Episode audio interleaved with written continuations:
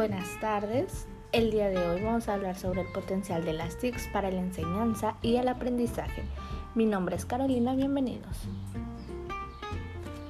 El argumento fundamental que utilizamos para seguir empleando las TICs, pese a lo poco que se ha podido documentar sobre este sistema, es su toma de consideración como herramientas para pensar, sentir y actuar solos y con otros, es decir, como instrumentos psicológicos.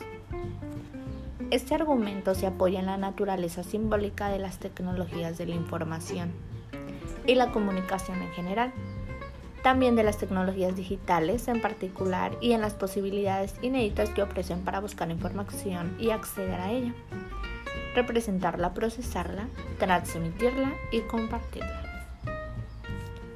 A lo largo de los años, hemos utilizado siempre tecnologías diversas para transmitir información, comunicarnos y expresar nuestras ideas, sentimientos, emociones y deseos.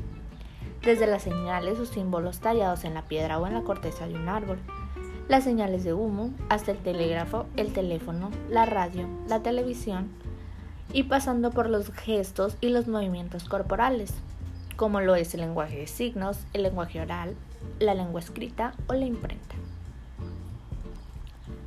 Los recursos semióticos que encontramos en las pantallas de los ordenadores son básicamente los mismos que podemos encontrar en un aula convencional, como lo son las letras y textos, escritos, imágenes fijas o en movimiento, lenguaje oral, sonidos, datos numéricos, gráficos, etc.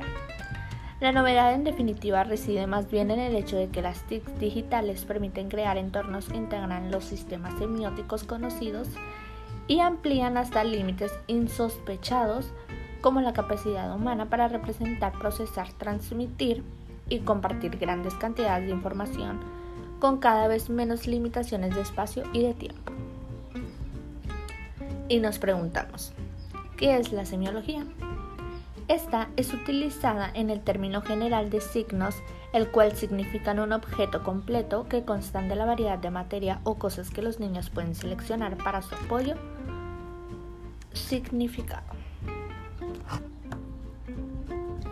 Concluyendo con el tema, la capacidad mediadora de las TICs como instrumentos psicológicos es una potencialidad que como tal se hace o no efectiva y se hace efectiva en mayor o menor medida en las prácticas educativas que tienen lugar en las aulas, en función de los usos que los participantes hacen de ella, cómo podemos identificar y describir estos usos, y de qué depende que los participantes en un proceso educativo determinado hagan unos u otros usos de las tecnologías disponibles, son dos preguntas que están actualmente en el punto de mira de un buen número de investigaciones y trabajos.